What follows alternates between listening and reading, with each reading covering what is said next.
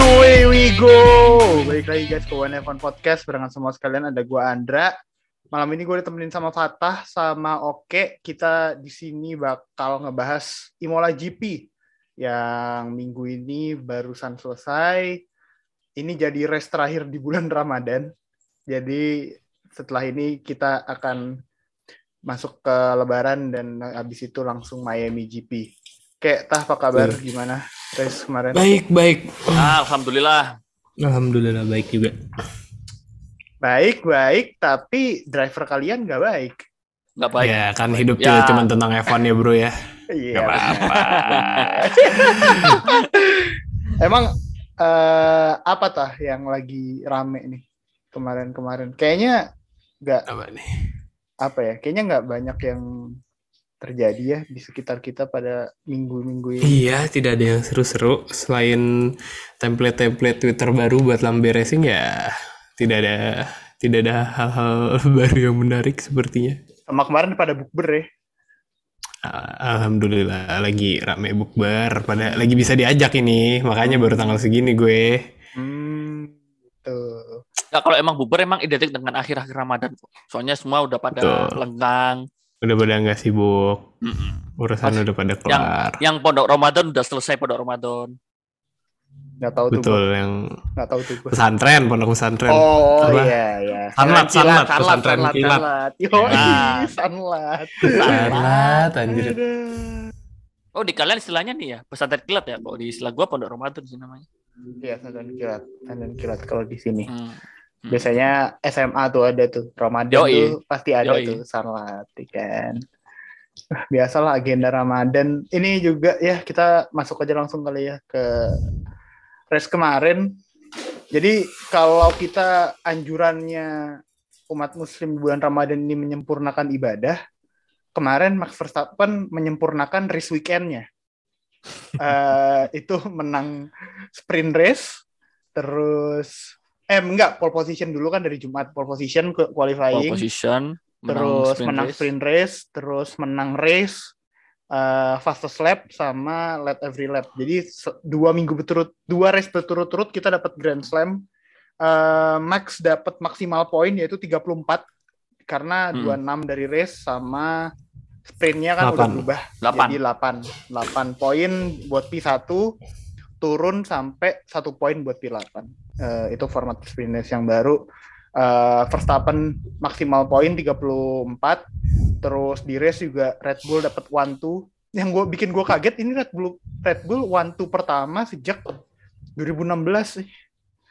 Kayak Sumpah 2016 Malaysia 2016 Bukan, emang tahun lalu nggak ada one two ya? nggak Nggak ada, ada. One ada. three, satu tiga, one three. One Iya, three ya banyak one three banyak Di ya. Paul Ricard itu. Kalau Yang di- gue yang memorable Iya, yang Paul Ricard itu kemarin. tahun lalu kan yang one two cuman ini cuman McLaren Iya. Oh Mercedes iya ya di, Mercedes di Itali enggak. juga ya. Ya, di, eh di Itali juga, di Itali Iya, di doang. Monza. di Di Monza. Monza. Itali doang bukan aja aja. itu jadi eh, Red Bull dapat yang pertama sejak Malaysia 2016 itu Malaysia 2016 tuh Hmm. satunya Ricciardo duanya Verstappen. Jadi udah hampir enam tahun Red Bull nggak dapat one two. Eh, tah lu ngelihat weekend perfect dari Red Bull kemarin?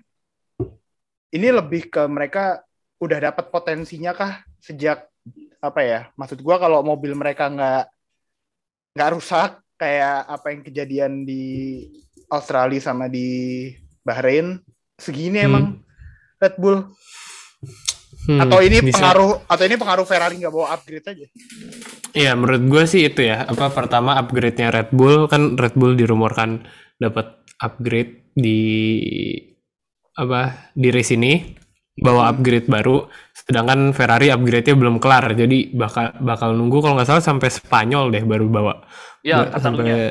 ya di Catalunya ya. Hmm.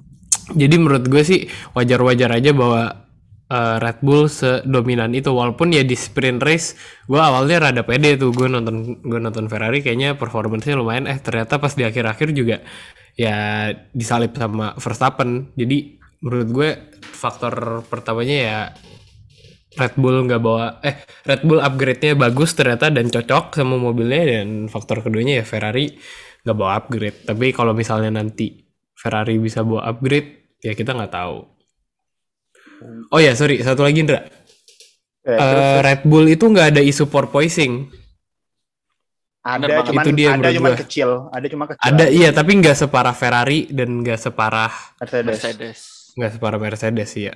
Mm-mm. Jadi kayaknya itu salah satu apa faktor yang bikin Red Bull bisa apa ya on par lah mungkin itu mereka Red Bull sama Ferrari sih menurut gue mobil terbaik di grid berdua itu seri sih menurut gue. Iya, kemarin kalau- tuh gue lihat eh, window porpoising ada kayak grafik window porpoising gitu loh. Per- Hmm, mobil hmm. mobil Jadi ini tuh mulai porpoising mulai di- porpoising. di speed berapa sampai berapa gitu. Mercedes Oh itu sama keren juga tuh gue belum pernah lihat. Mercedes sama si Ferrari itu emang yang paling gede windownya. Eh gue lupa, gue belum lihat lagi datanya berapa, tapi emang itu dua itu windownya paling gede. Makanya eh kalau Mercedes dia bisa porpoising juga di corner, kalau Ferrari lebih ke porpoising juga, porpoisingnya lebih ke straight. Eh iya. Kalau lu kayak tadi gimana kayak? Lu kayak mau nambahin? Kalau Fata bilang Ferrari sama Mercedes, Ferrari sama Red Bull seri, gua justru punya pendapat berbeda. berbeda. Sekarang justru Red Bull di atas Ferrari. Untuk sekarang ya, Hmm, untuk sekarang. Untuk sekarang ini, Ya, gua ke- kelihatan banget eh, susah banget gitu eh, Ferrari nyalip di eh, nyalip ya eh, fight di satu-satunya kesempatan nyalip di DRS itu susah banget gitu loh. Itu sih yang gua lihat itu. Itu itu kemarin kalau gua bilang Perez tuh gak defense sama sekali loh. Gak gak battle for for second gitu loh. Hmm. Bener-bener Leclerc itu ngejar. Yang kan harusnya kan Hmm, Leclerc itu harus kasih pressure ke Perez. Ini enggak Leclerc Iya, iya. tertekan oleh dirinya sendiri. iya, Gua, iya. gua lihat gitu. Gue. Makanya dia sampai sampai melintir itu. Untung nggak crash. Iya. Itu itu gue yang Itu itu Oh. emang tapi kelihatan dia buru-buru sih itu. Nggak sabaran, kelihatan kelihatan apa ya? Eh kelihatan ya gegabah, kelihatan gerusak-gerusuk. gerusak-gerusuk gerusak-gerusuk. betul. Ah. Itu Ndra, gue lebih Iya. kan eh, itu tadi Leclerc tuh harusnya menekan Perez, tapi kan kenyataannya Leclerc tertekan oleh dirinya sendiri ini. Yep. Kasusnya ini. Iya.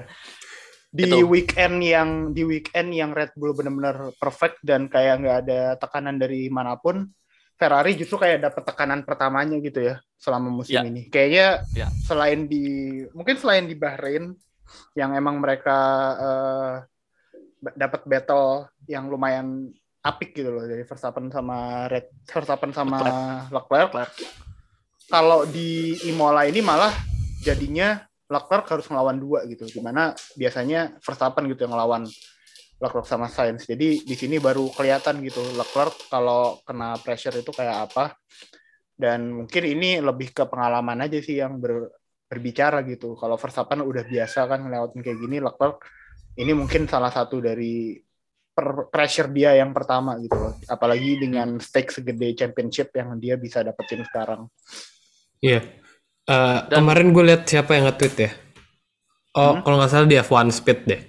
Ada yang ngebandingin Verstappen sama Leclerc. Terus ya, walaupun mereka seumuran, Verstappen udah di F1 dari 2016, Iya. Leclerc baru dari 2018 dan menurut 18, gue ya. itu kayak kita tuh ngelihat Leclerc eh sorry, kita ngelihat Verstappen 2018 di Leclerc gitu. Iya. Di mana Hmm. posisinya dia udah mulai bisa menang-menang, tapi ya masih ada kadang kesalahan-kesalahan sepele lah bisa dibilang gitu. Di mana Dan dia itu masih gerasak gerusuk gak sabaran dan ya bener wajar gue nggak gue itu juga nggak expect Leclerc Itu buat part of langsung itu. menang gitu. Iya itu, part of part of pendewasaan lah dalam menjadi pembalap F1.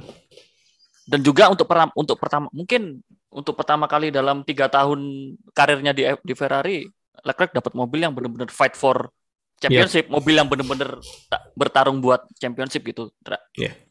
Hmm. Itu juga pressure kalau gua sih. Iya, itu sebenarnya kalau yang ngelihat yang spinnya Leclerc yang terakhir itu ya, kan dia spin di lap 53. Eh di ada tuh videonya si Joylen Palmer ngebandingin lapnya dia di 53 sama di 52 eh, lap sebelumnya Hmm. yang dia juga ngejar ngejar Perez gitu. Perez. Sebenarnya lain kan gue tadinya suspek Perez eh, Leclerc itu ngambil curb terlalu banyak gitu di chicane yang pertama. Eh, dia ngambil terlalu dalam. Tapi ternyata Hmm. kalau ngelihat di lap sebelumnya, line yang diambil tuh ya sama. dia di lap sebelumnya juga ngambil kerap yang agak banyak di sebelah kanan. Tapi bedanya Hmm. in ini entry speednya yang Oh. di lap 53 yang di lap 53 itu terlalu kenceng pas masuk ke apex-nya itu. Makanya pas mobilnya agak lompat terus landing itu nggak nggak terkendali. Itu sih Iya, ha, ini kesalahan-kesalahan minor. Ha, bener bener bener. Itu sih yang ap- apa namanya? eh ya, ya dia, dia sih yang jelas udah udah fokusnya udah hilang sih. Kalau gue Iya. sih itu chicken yang yang ngehe emang chickennya itu. Tapi ya sayang sih maksudnya eh, dia harusnya bisa nyaman gitu ya istilahnya P3 tapi malah eh, harus kececer ke P6 dengan damage di front wingnya. Tapi ya itulah maksudnya yang bikin seru eh, championship battle musim ini ya. Maksudnya ini dua driver yang sama-sama muda jadi seenggaknya secara pengalaman mereka nggak terlalu beda jauh. Jadi lu ngelihat dua pembalap yang skillnya sama, pembalapnya nggak beda jauh, eh pembalap pengalamannya nggak beda jauh, jadi kesalahan-kesalahan kayak gini itu masih suka ada, terus kayak eh, Verstappen yang nggak bisa finish di race Australia kemarin, nah ini yang ah, yang kayak kalau Hamilton lawan Verstappen kemarin nggak ada, karena Hamilton udah jauh lebih dewasa lah daripada Verstappen gitu. Oke, itu sih kalau dari battle di depan. Kita mau ngebahas sains gak? Gua kasih gua- pertanyaan gua- dulu nih dua orang ini nih. Gua sense konklusi buat buat minggu ini itu bad luck asli bad luck. Bad luck deh. Lebih ke Bad bad, luck. luck. Kan dia dis, kan dia diseruduk sama Sainz. Eh sama Sainz sama, Sama Ricardo. Ricardo. Hmm. Ya, ya, ya, ya. Jadi emang nggak hoki aja ya. Padahal sprint Mm-mm. race-nya Sainz udah bagus ya. Oh, cakep banget. Cakep banget. Kaget gua nonton. Duh, P4. Iya makanya P4. Dari qualifying-nya P9 kan ya kalau nggak salah. P10 kan enggak ini enggak P10 dapat ya. Oh iya, Nggak, gara-gara dia enggak dia crash di di Iya, quarter di quarter sama di kualifikasi dua.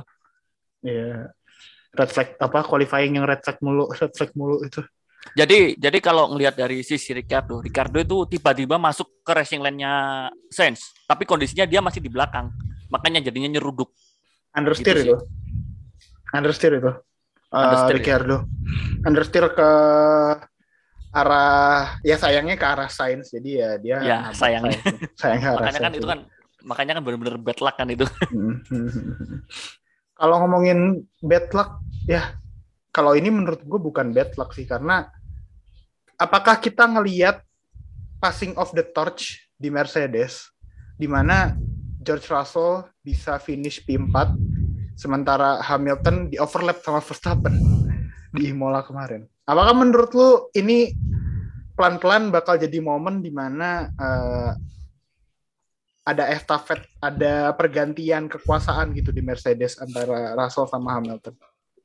Apa ya? Gue berpikir dulu. Gua sampai sekarang masih berpikir ya gitu sih.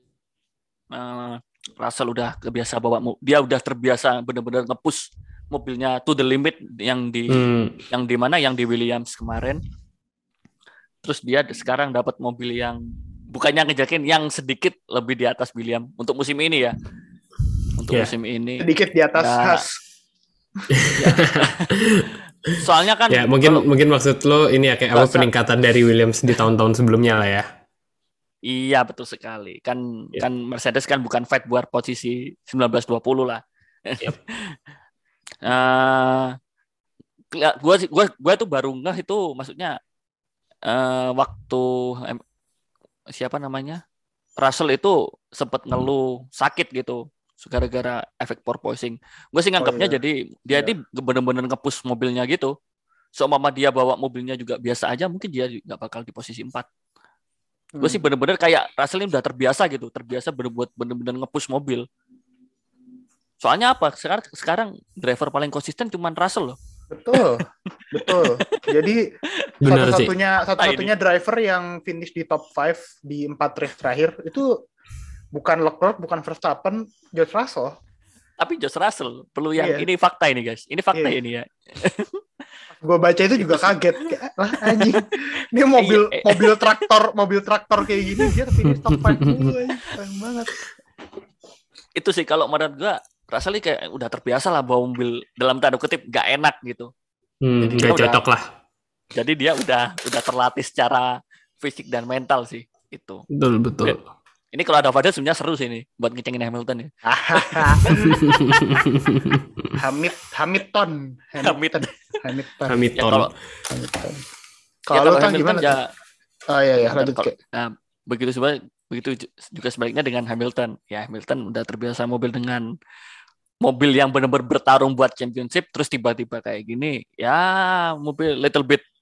Inilah harus penyesuaian lah. Kayak gitu sih. Soalnya jomplang banget ya. Iya. sampai Eh. sampai Toto minta maaf. Gue pertama kali ya. Toto minta maaf. Eh, bentar. Eh, OT dikit sebelum gue masuk ke tentang Russell sama Hamilton yang Toto bilang kayak ya kita ngasih mobil yang undrivable buat lu. Ini tuh kayak perubahan attitude banget ya. Perasaan tahun-tahun sebelumnya kayak ya kita menang bareng kalah bareng gitu. Sekarang kayaknya kesannya nyalahin engineer gitu. Aduh, Ada aduh. nih Pak Toto nih. Waduh, Gimana goreng nih? goreng. Rebus, rebus, rebus. Eh enggak. Kan udah udah nggak udah nggak boleh ekspor ya. Sekarang udah udah gampang goreng-goreng berarti. udah Ya. goreng-goreng berarti Udah mulai ada perpecahan kah di tim Mercedes gara-gara Iya makanya itu itu yang gue lihat sih kayak ini ini gue gue bukan tapi gue genuinely nggak manas-manasin. Ini beneran kayak gue gue ngeliatnya kayak ironis aja gitu kayak eh lah masa lu lagi menang ngomongnya kayak gini tapi pas lagi kalah kayak prinsipnya dibuang gitu aja sih. Ya aneh aja sih gitu aja sih. Itu gue nyelipin aja sih gue nyelipin aja. Gue sebenarnya setuju sama itu cuman ya gimana ya? Iya betul. Eh, tapi kalau kalau menurut gue tentang eh, Russell sama Hamilton sih ya kita lihat kayak Vettel sama Ricciardo pas 2014 menurut gue ya. Di mana eh, ada pembalap muda yang baru masuk tim utama eh, setelah lama di tim junior pas banget perubahan regulasi di mana regulasi baru ini sepertinya gak cocok sama si pembalap senior dan akhirnya kita ngeliat si pembalap muda lebih mendominasi dan kelihatannya lebih apa ya lebih dominan gitu dibanding pembalap seniornya. Apakah pembalap seniornya necessarily udah cupu atau udah lost his tricks gitu ya? Mungkin nggak juga, tapi eh, bisa dibilang ya pembalap muda ini bisa lebih unjuk gigi dan lebih termotivasi lah untuk lebih eh, berperforma lebih maksimal gitu. Di race mana menurut kalian bakal ada tim radio eh, Louis It's James? Lihat jadwal dulu, ah, bentar ya. Ya, habis ini Ameriki. Eh, di mana kayak kira-kira track yang kayak lo harus kasih posisi biar tidak merugikan tim lo? bentar bentar bentar cek dulu sirkuit Hmm, apa ya? Merugikan. Singapura nggak juga. Hmm.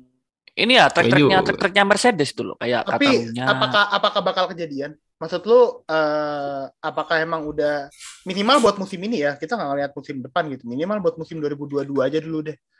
Eh attitude-nya di Mercedes apakah nanti bakal geser eh, buat lebih nge-favor George Russell gitu daripada Hamilton? Nggak, nggak, gua, nggak- kayaknya enggak sih. Kayaknya Hamilton sama Russell nggak bakal battle seklus itu, sedekat itulah. Nggak kayak seagresif waktu sama Oh, Rosberg iya, iya. gitu. Gua sih nggak ngelihat itu ya. Ya, soalnya Russell Kalau- bakal kalau- di, soalnya Russell bakal di top 5, Hamilton di belakang gitu ya. Ya, ya, ya. ya. ya, ya, ya bukannya gimana-gimana kalau ngelihat dari hasil race empat race ke belakang udah udah udah kelihatan gitu loh. Itu kan eh, race race Bahrain kan juga nggak nggak dihitung lah soalnya kan bener-bener luck itu gara-gara dua dua gratis lah dapatnya gratis lah istilahnya gara-gara dua Red Bull engine failure kan jadinya naik otomatis gitu. Dia dia dapat podium itu nggak dengan balapan gitu tapi dengan eh, kalahnya kalahnya tim lawan gitu. Hmm. terus setelahnya apa kan maksudnya setelah itu kan race kedua ketiga ini kan nggak ada nggak ada improvement gitu. Justru malah Russell yang improve. Kan gitu justru Russell dari P4 terus race di Abu Dhabi di Arab itu dia P3 terus di Australia kemarin P4 lagi ya? Eh P3 apa P4 ya? Eh yang podium kapan sih Russell? Australia P3. Australia P3 nah terus sekarang P4 lagi. Yang menurut gua sih nggak bakal sih Indra kalau Hamilton sama Russell bakal close battle. Close racing Oke oke, berarti nggak bakal ada tuh Lewis It's James soalnya Russell udah terlalu jauh di depan. Mungkin kalau Russell nanti ngelawatin Hamilton mungkin pas overlap kali ya, kayak Hamilton kemarin. kayak Verstappen maksudnya, kayak Verstappen kemarin. Gak ada, mas gue kalau ngelihat apa yang kejadian di Mercedes, gue rasa uh, bener sih tadi kata Fatah, mungkin udah mulai sedikit-sedikit ada fraksi gitu di dalam ada friksi di dalam uh, kubu Mercedes gitu. Mungkin mungkin ada sesuatu yang nggak cocok di Hamilton, malah di sesuatu itu malah cocok gitu di di George Russell. Terus mereka bakal maju kayak apa buat sisa musim nanti?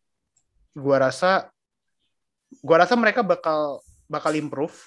Uh, masalah pointing mereka bakal kelar, tapi by the time that happens, sepertinya Ferrari sama Red Bull udah jauh di atas mereka bahkan gua rasa McLaren juga udah udah di atas Mercedes gitu loh. Buat uh, ketika nanti posisinya Mercedes sudah mau selesaiin masalah mereka. Karena kalau ngelihat improvement yang dilihatin McLaren nih dari apa yang kejadian di awal musim dan dua race terakhir di Australia dia bisa pilih 5 sama P6 which is best of the rest terus di Imola kemarin Lando Norris malah podium gitu. Dan sepanjang weekend Ricciardo sama Norris itu emang gak jelek pace-nya. Mereka uh, bisa konsisten ada di belakang Ferrari Red Bull ada di posisi depan midfield dan Ricciardo hitungannya sama gitu. Nggak nggak hoki aja gitu karena kenapa karena spin di lap 1 jadinya dia posisinya jauh di belakang. Padahal kalau itu nggak kejadian mungkin dia juga bisa bareng di top 5 gitu loh sama McLaren eh sama Lando Norris gitu.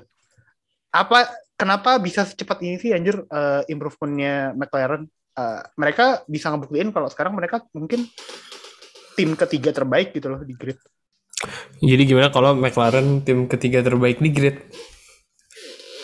Uh, udah nggak meet kecuali Ricardo. Hmm, ya, yeah. aduh ntar dia mau masa kita. Uh, menurut gue, menurut gue sih, aduh sorry, nggak apa ya, belum bisa menunjukkan nggak ada tim ketiga terbaik di grid menurut gue ya, soalnya tiap race gonta-ganti uh, dan satu tim bisa ada driver yang bagus bisa ada driver yang jelek kayak McLaren uh, si Ricciardo kayak gitu Lando Norrisnya bagus si uh, Mercedes apa George Russellnya bagus sedangkan si Hamiltonnya kadang di di luar poin terus siapa lagi ya Alpine juga Alonso udah dua DNF di empat race terakhir jadi menurut gue belum kelihatan aja sih siapa tim terbaik yang asli gitu. Eh sorry tim ketiga terbaik jadi menurut gue gue gue juga belum bisa bilang McLaren ini tim ketiga terbaik tapi gue denger rumor dengar apa baca ya jatuhnya ya. Gue baca rumor di at Vettel Clark uh, yang dia translate uh, dia bikin rangkuman lah uh, episodenya Amos. Terus katanya McLaren itu tidak memahami mobilnya di race pertama karena ada problem pas testing. Jadi mereka merasa mobilnya ini lebih buruk daripada aslinya gitu. Itu bukan mobil yang terbaik masih sekitar 0,7 detik di belakang Ferrari tapi nggak terlihat seburuk di Bahrain gitu. Dan katanya mereka udah jalanin development program dari Bahrain. Jadi mereka sedang berusaha meningkatkan performa. Apakah ke depannya bisa jadi tim ketiga terbaik di grid uh, gue pribadi sih nggak terlalu pede buat itu ya menurut gue Mercedes dengan George Russell masih bisa nge-push buat uh, posisi tiga mungkin McLaren bisa di 45 tapi tergantung juga apakah Alfa Romeo dan Bottas dan Alpine dan Alonso bisa konsisten nggak ke depannya. Yeah. It's too early to tell aja sih menurut gue. Uh, yang udah fix banget sih menurut gue championship battle antara Leclerc sama Verstappen aja di atas. Tapi selain itu di bawah masih awang-awang banget. Oh enggak, ada satu lagi yang pasti Aston Martin sama Williams sudah pasti ampas. Udah pasti di bawah ya? Udah pasti di bawah. Udah pasti di bawah. Jadi Iya. kita ngobrolin ngobrolin yang di atas sama di bawah ya. Tengah-tengah dibiarin rusuh gitu. Kayak masih rusuh ini belum Masih kelihatan rusuh. stratanya. Bener-bener masih Belum rusuh. kelihatan. Eh, iya bener sih, tapi tadi gue sampai lupa Bottas sama Alfa Romeo tuh juga minggu ini kuat banget. Eh, sepanjang weekend tuh bagus banget. Eh, mereka harusnya Bottas malah bisa dapat P4 gitu, tapi Russell ternyata defensifnya masih masih bagus dan nggak kejadian tabrakan kayak tahun lalu 2021 antara Bottas sama. Jadi, dia- dia- Bottas walaupun nggak dapet P4 tapi dia finish di top 5 dengan Alfa Romeo which is a really good thing gitu uh, buat developmentnya Alfa Romeo ke depan. Uh, tapi kayak ini ada hubungannya sama ini nggak sih? Kalau kemarin kan sebenarnya awal race itu kan lebih ke wet race ya. Mm-mm. Menurut lu kenapa McLaren bisa ada di posisi ini tuh? Apakah emang karena kemarin wet race aja gitu? Jadi kalau wet race kan lebih skill drivernya yang kelihatan daripada mobilnya. Eh, kalau kalau pada nges sebenarnya praktis tiga kan itu kan Lo- Norris tercepat Nggak ada praktis tiga anjir. Oh enggak Praktis praktis pokoknya praktis cuma eh, praktis tiga praktis dua praktis dua kan Norris bukannya yang tercepat ya apa gue salah pokoknya sempat Norris sempat sempat sempat sempat ada lah di atas lah pokoknya tercepat Hmm. di mana gue lupa FP2, Seba- sebenarnya FP2 paling cepat Russell gitu. ya.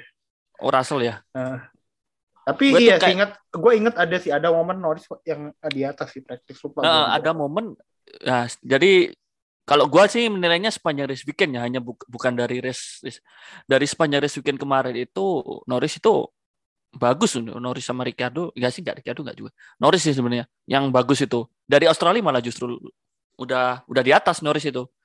Nah kalau untuk masalah race hujan ya ya itu sih ya nggak bisa di unpredictable lah. Kayak gimana kayak gimana berjalannya waktu start Cuman kalau gua nilainya sih McLaren, sih kayak udah mulai nemuin ritmenya aja sih musim ini. Oh, kayak gini. Oh, kayak gini. Kayak gitu sih.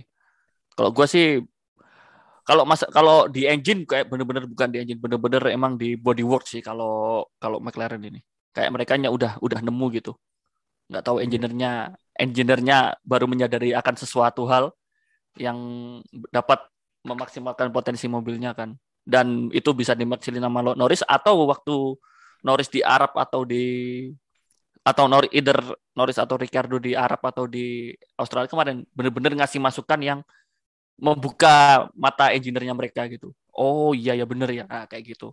Kalau gue sih ngakunya deh. Soalnya apa? Progres mereka naik dari Australia. Sebenarnya bisa dibilang naik sih. Nah, iya sih. Kan Norris podium ya ini ya. podium, podium. Ah, ah. bisa dibilang kan naik berarti kan progresnya Betul. dari Australia ke ini Imola. ke Imola. Iya, Gue sih iya. ngelihatnya di situ di situ Ndra. Oke, oke, oke, oke. Oke, eh, kita bahas sedikit di luar track ya, karena sebenarnya kalau on track kemarin Imola, kalau pas race sebenarnya nggak terlalu banyak action, eh, bukan nggak terlalu banyak action, lebih ke predictable aja sih. Eh, overtake di DRS, terus adu, sempat sempat ada adu strategi antara Leclerc yang tiba-tiba mau ganti ke ban soft, terus juga ada Gasly sama Albon yang terus-terusan ngedefend Hamilton di belakangnya. Ini jadi kayak kayak Monaco 2021 ya. Eh, Hamilton nggak bisa ngelewatin Gasly terus-terusan gitu. Oke, ini tapi kalau iya mana itu mulu. Kalau geser sedikit di luar track gitu. Kemarin kan sprint weekend ya. Terus ada sebenarnya satu pernyataan menarik yang dibilang dari Ferrari gitu menurut gue. Sprint weekend itu cuma ngasih satu free practice gitu. Karena free practice duanya kan kondisi mobil udah performe kan. Jadi otomatis free practice cuma satu. Ini yang menyebabkan Ferrari agak ragu-ragu buat ngeluarin update.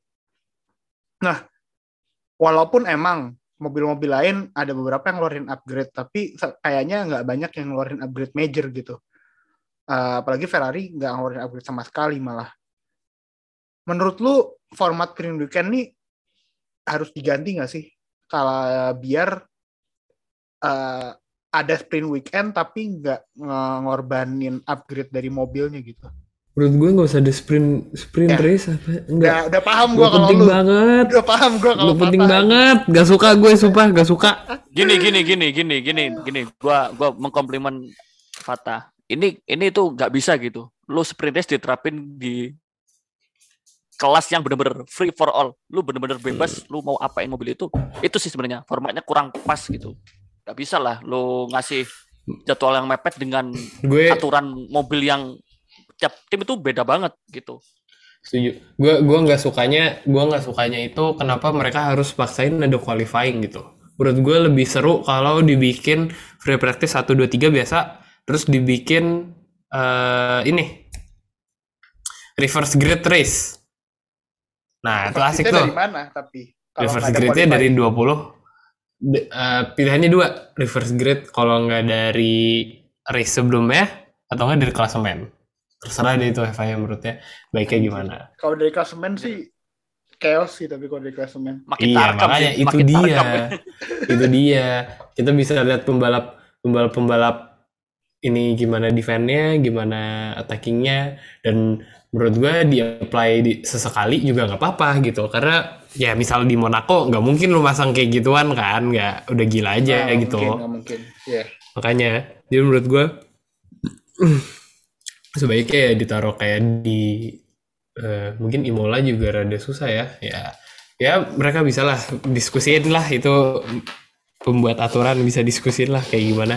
Kan menurut gue kemarin sprint race kemarin juga ya agak style aja gitu. Gitu-gitu doang sampai lap terakhir kan. Sedangkan kalau misalnya reverse grid klasemen ataupun dari hasil race sebelumnya kayaknya lebih asik gitu. Karena kita bisa ngelihat pembalap-pembalap yang punya much more tulus eh, lebih desperate gitu buat ngejar ke depan. Jadi menurut gue sih gue lebih suka kalau kayak gitu tapi ya kayaknya itu pernah dipropose tapi di struck down deh sama tim principal karena katanya nggak natural pasti. ya satu beresiko terlalu juga. berisiko dan nggak natural Iya, iya, iya. Kalau lu gimana kayak? Gua sih sebenarnya ya udahlah normal normal balapan normal aja lah. Gue sih mempertimbangkan tadi loh. Ini tuh balapan di kelas yang bener-bener lu tuh bebas mau ngapain mobil lu. Cuma lu cuman hanya terhalang regulasi. Batasan lu upgrade mobil sebenarnya dia hanya diregulasi. betul. Itu Indra. Kalau gua sih mikirnya lebih jadi kita sebenarnya nggak ada patokan kan. Kalau di mobil di kelas F1 itu kan nggak ada nggak ada patokan. Mobil harus gimana harus gimana. Terserah lu mau bikin mobil lu kayak gimana. Asalkan masih di dalam regulasi ya.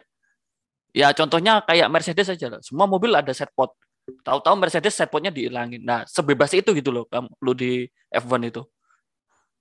Nggak bisa lah lu kasih. Itu tapi menghilangkan unsur yang penting yaitu praktis praktis makin ke sini kayak anjir ini makin penting ini praktis ini apalagi Ya, dengan benar, benar, kondisi mobil baru Iya, kayak gitu. setuju Jadi gua, jadi benar. jadi kalau Ferrari nggak bawa upgrade, gua itu sebuah itu cuma apa ya langkah yang sangat bagus sih. Soalnya mereka di Australia udah berhasil banget.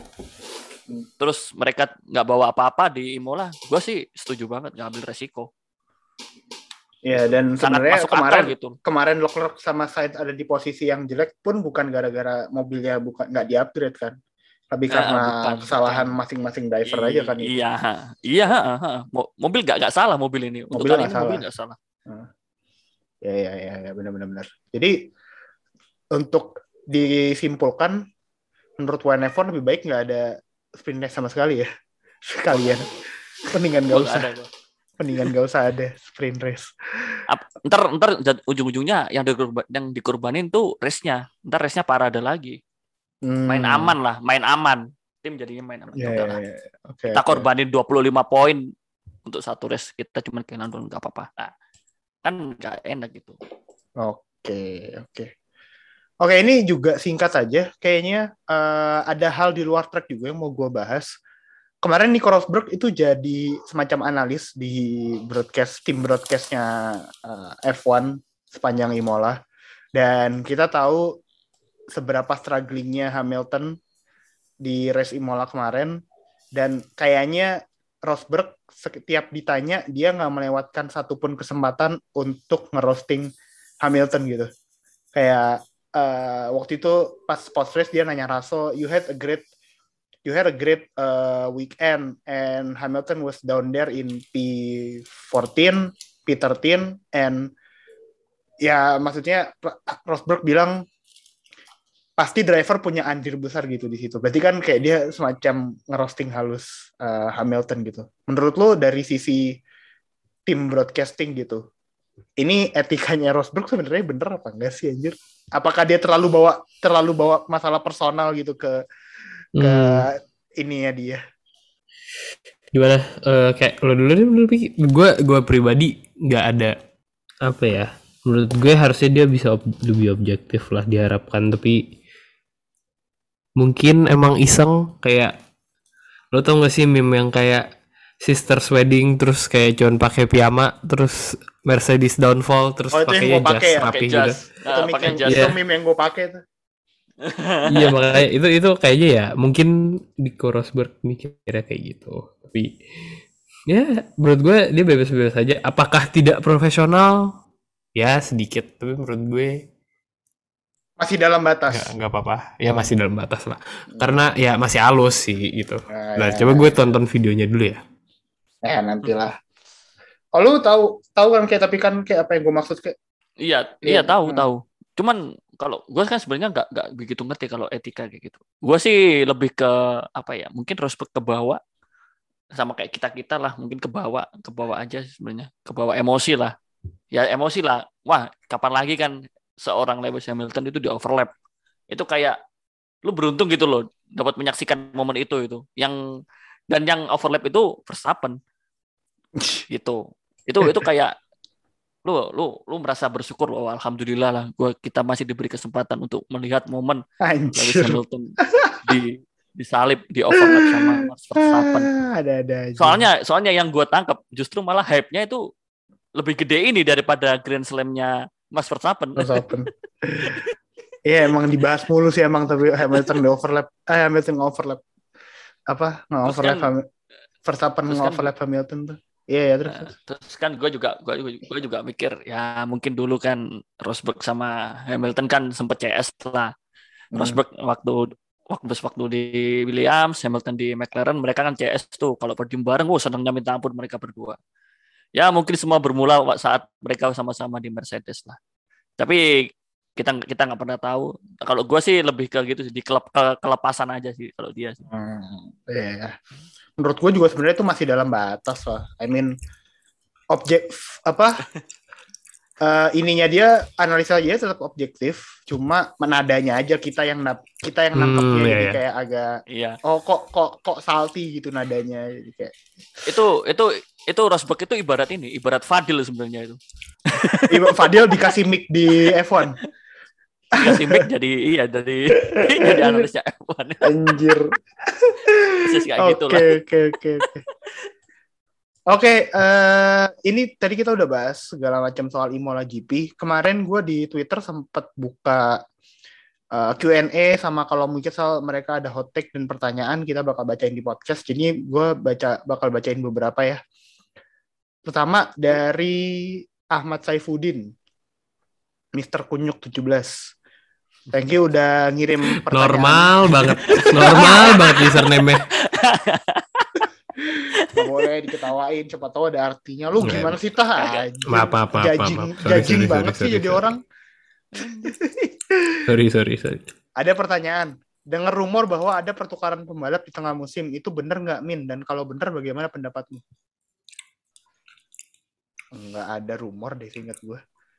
Pertukaran pembalap kayaknya cuman bisa dilakuin sama Red Bull Hmm, enggak dan enggak. Katanya katanya ada katanya ada rumor jadi ad- bakal ada aturan atau apa baru gitu atau persetujuan lah isti- intinya antara tim-tim ini bahwa mereka bisa tukeran driver kalau mereka mau. Intinya ya kontraknya gue nggak ngerti mungkin kontraknya di buyout atau kontraknya ditukar kayak dialihkan tanggung jawab aja gue nggak ngerti secara legalnya lah. Tapi pokoknya yang gue denger adalah bahwa tim-tim kayak Alpine, tim-tim kayak Alfa Romeo, kalau mereka mau ngambil jasanya Piastri sama Porsche di tengah musim bisa gitu. Oh. Oh, Tapi kan Tapi kalau yang Piastri itu Nggak kan bakal McLaren- diputus kontrak gitu loh. Ah, gimana gimana gimana? Eh atau gimana ya? Atau gimana ya? Gue taunya Piastri sama Porsche itu di akad- bentar gue lupa. Piastri itu di akademinya siapa ya? Gak, gak. Kalau yang Piastri itu gue taunya Piastri itu kan Akademi Alpine. Terus dia Hmm. itu mau dipinjemin ke McLaren. Misal, misal Lando Norris atau Ricciardo ada yang kenapa-kenapa. Soalnya McLaren tuh kan Hmm. nggak punya McLaren tuh kan nggak punya reserve driver Reserve. kan. nggak punya. Makanya mereka Alpine mau minjemin Piastri gitu loh. Itu yang Oh, gua nih nih nih. gitu. Bentar.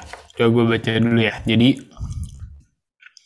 Oh ini nih kemarin si Albert Fabrega itu tuh videonya udah hari Jumat atau apa gitu makanya gue lupa. Oh, berarti kasusnya bukan kayak Albon sama Gasly ya? Ya, jadi eh Albert Fabrega ini katanya bakal ada ada driver swap di tengah musim. Entah pokoknya Albert Fabrega bilang bakal ada driver swap di tengah musim, tapi entahlah siapa dan dia bilang kayak dia nggak boleh kasih tahu soalnya dia bilang apa dia dibilangin kayak jangan bilang siapa-siapa lah gitu intinya. Nggak boleh ember lah, nggak boleh ember. Nah, nggak boleh ember gitu. Kata, katanya sih yang dirumorkan eh, Ricciardo sama Gasly Waduh. bakal tukeran. Waduh, waduh, Ini dari waduh. Sports Bible. Gua nggak Wah. tahu, gua nggak tahu. Anjir, Sports Bible juga. Anjir Ricardo mau dibalikin Tapi ke tapi Red Bull. the one that lives does not su- surprise me. Ini ini quoting Fabrega ya. The one that arrives, yes. Well, it is a change of drivers between teams. Ada Hamilton katanya mau pindah tim. Tapi semuanya Waduh, di waduh, tengah waduh, musim. Heeh. Winter break lah, eh, winter break mungkin, winter break mungkin. Oke, ini according to Sports Eh, Bible, summer jadi gue nggak tahu, Eh, gue nggak tahu iya. reliable atau enggak. Jadi Ricciardo kayaknya bisa swap McLaren sama Alfa Tauri. Eh Pierre Gasly-nya ke McLaren. Eh sorry, iya sorry bener. Eh Sebastian Vettel eh bisa aja tukeran sama Williams-nya Alex Albon. Wow, wow, wow, wow, wow, wow. gue lagi nyari di quote tweetsnya eh, ada siapa aja nah ini ini dari F1 Speed katanya Ted Kravitz bilang Williams digosipkan tertarik untuk merekrut atau meminjam Oscar Piastri dari Alpine Hmm, hmm, hmm.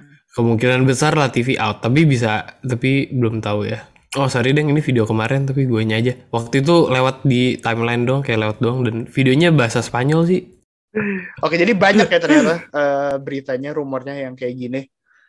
Menurut gue sih eh, apa ya? Karena gini ya, yang gue tangkep pindah tim di tengah musim itu kalau gue sebagai fans olahraga lain ini bukan sesuatu yang baru sebenarnya. Dari yang gue lihat, lumrah lah apalagi kita suka tontonannya yang pemainnya di trade bukan dibeli bahkan ya di trade kan bukan dibeli.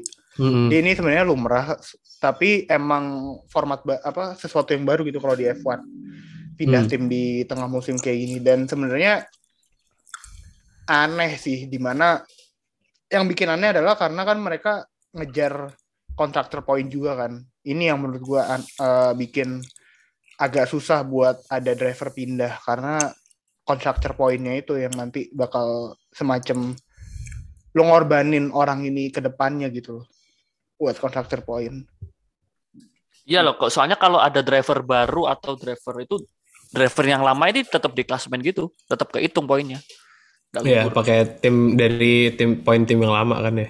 Mm-mm, mm-mm. Ya macam siapa ya? Ya kalau kemarin kan kayak reserve driver ya masuk kayak Robert Kubica gitu kan masuk dia namanya di klasemen itu. Masuk Yep. ya, benar. Ya. Oke, next. Nah, ini dapat eh, pertanyaan yang masih sama apa masih relate sama yang tadi.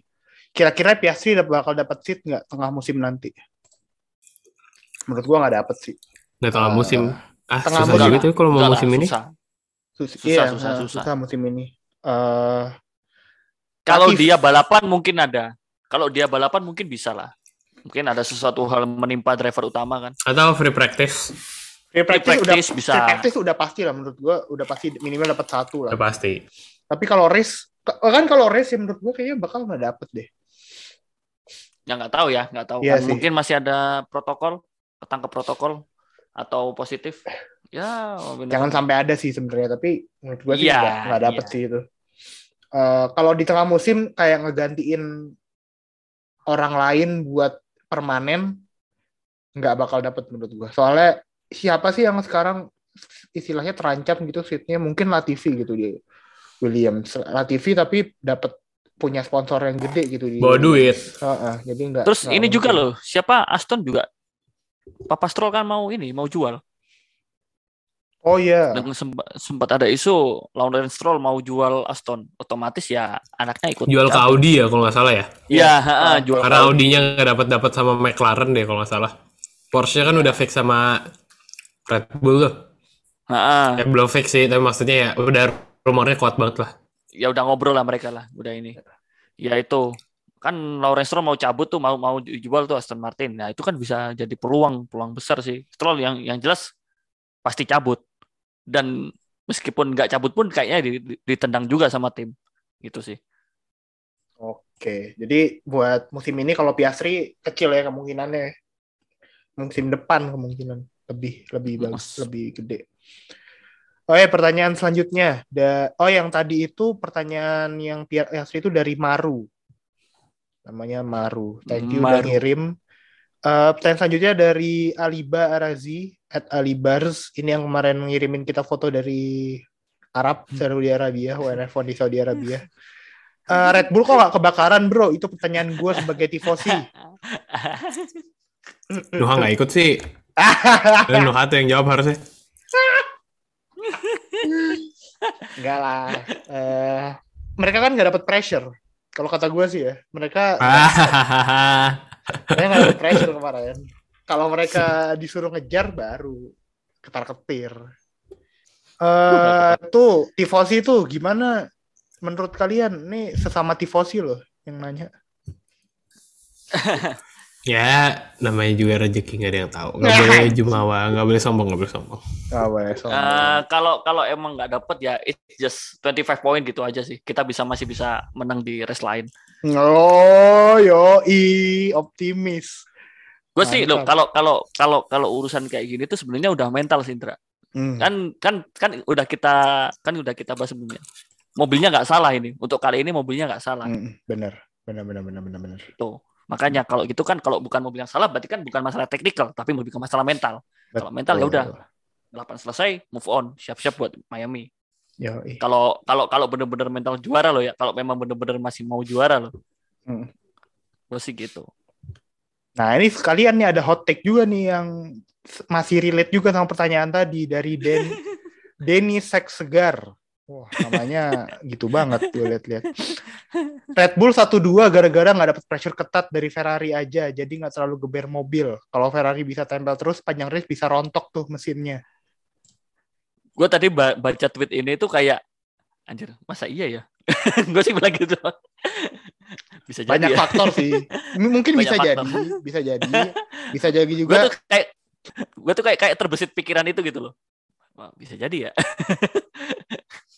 Menurut gua ada benernya juga sih itu apa bahwa ya siapa tahu karena nggak ke pressure aja jadi mesinnya nggak nggak hancur nggak terlalu dipush Mau- nggak terlalu Betul. dipush nggak perlu recovery tiap lap tapi nggak kalau perlu tapi kalau gaspol tapi kita kalau kita bilang gini kayak bias banget gitu ya kita sebagai Ferrari ngomong kayak gini Ya, bias. anjir. Bahaya, bang, bias WNF1, Emang WNF1 bias. bukan bukan podcast objektif tidak. WNF1 podcast bias. emang kita amus bukan Emang kita WTF1 podcast bukan. emang kita motorsport.com Bukan. Oh, bukan. Ini podcast podcast bias. Kalau nyari podcast emosian ya di sini baru. di Benar. sini Eh itu dari pertanyaan dari Denny, eh pernya hot take dari Denny, thank you udah ngirim. Terus ini ada lawakan nih, ada jokes dari Bukadus.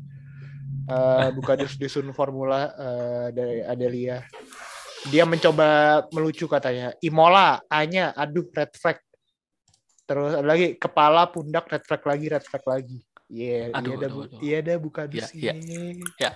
makasih ya makasih bu udah mau nitip Terima kasih udah, Udah mau nih. nitip lawakannya Udah nitip di podcast. udah nitip sendal di lapaknya WNF1 Tapi emang kemarin ini sih kemarin emang qualifying kan red flag mulu tapi emang. itulah Apakah Imola harus ganti kalender ya? Jangan pas musim hujan deh, agak agak tengah-tengah musim gitu. lah. jangan justru seru pas musim hujan. Jangan sprint race, jangan sprint race. Nggak apa-apa kalau pas hujan tapi jangan sprint race aja. Oke, itu pembahasan kita dari Imola GP dan bacain beberapa beberapa submission dari eh, teman-teman followers juga. Thank you yang udah ngirim. Yo, thank you, Eh, thank you.